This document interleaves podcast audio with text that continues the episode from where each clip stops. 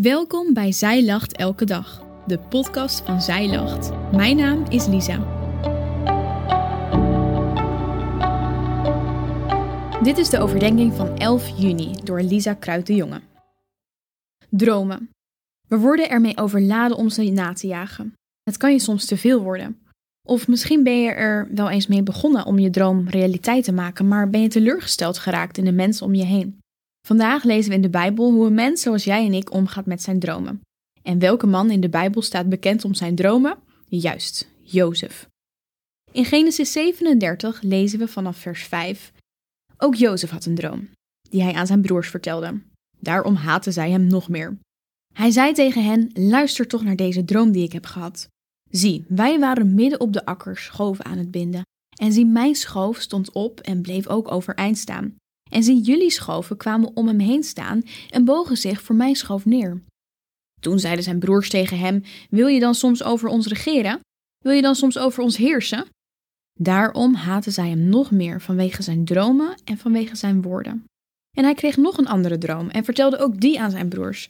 Hij zei: Zie, ik heb weer een droom gehad. En zie, de zon, de maan en elf sterren bogen zich voor mij neer. Toen hij dit aan zijn vader en broers vertelde, bestrafte zijn vader hem wat is dit voor een droom die je hebt gehad?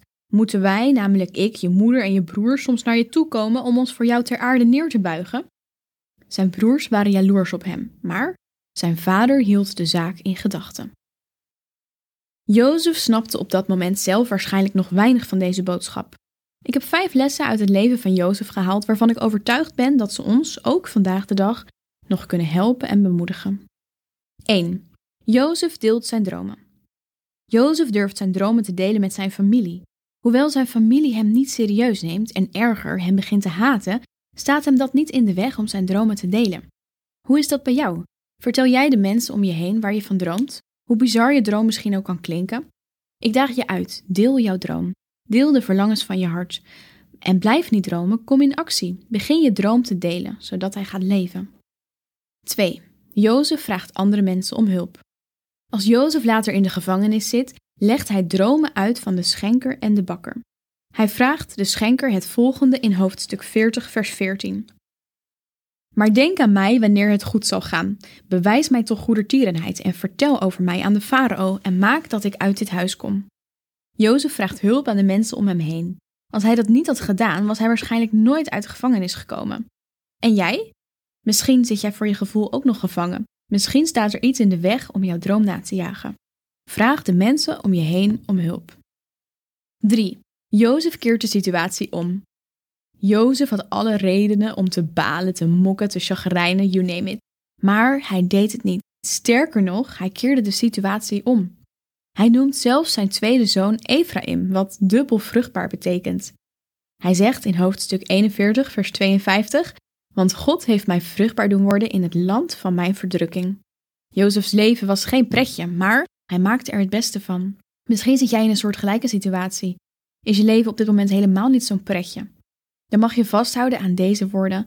God heeft mij vruchtbaar doen worden in het land van mijn verdrukking. God zal de situatie omkeren en gebruiken voor een hoger doel.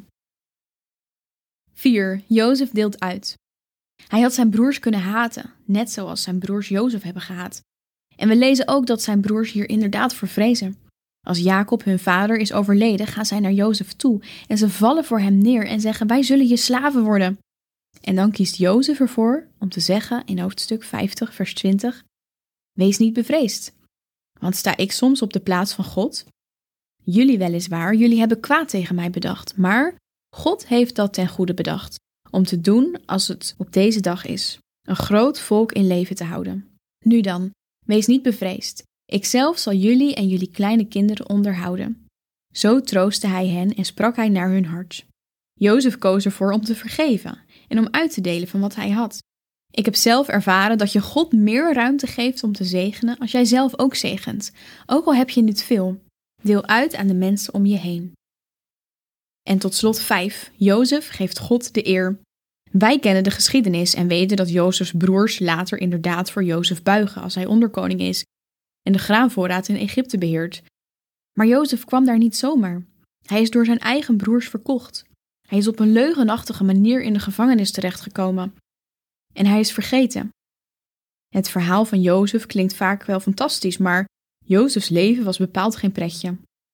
Maar zelfs in zijn diepe dalen blijft Jozef trouw aan de Heer. Dat kunnen we onder de regels doorlezen in alle hoofdstukken. In hoofdstuk 40, wanneer Jozef hoort dat niemand vreemde dromen kan uitleggen, zegt hij in vers 8: Is de uitleg niet aan God? En in vers 16 van hoofdstuk 41, als Jozef weer wordt gevraagd om een droom uit te leggen, ditmaal aan de farao, ook dan zegt hij: Dat is niet aan mij, maar God zal antwoorden. Jozef had ook de ontdekking kunnen doen dat hij een bijzonder talent had om dromen uit te leggen. Hij had zijn talent kunnen verkopen en er op zijn eigen houtje stinkend rijk mee kunnen worden.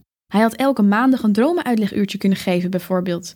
Maar dat deed hij niet. Jozef realiseerde zich maar al te goed dat het God was die door hem heen werkte. En hij gaf God de eer. Hoe zit dat bij jou? Geef jij God de eer voor wat jij bereikt hebt? Samenvattend, Jozef deelt zijn dromen. Hij vraagt andere mensen te hulp, hij keert de situatie om, hij deelt uit en geeft God de eer. Soli Deo Gloria.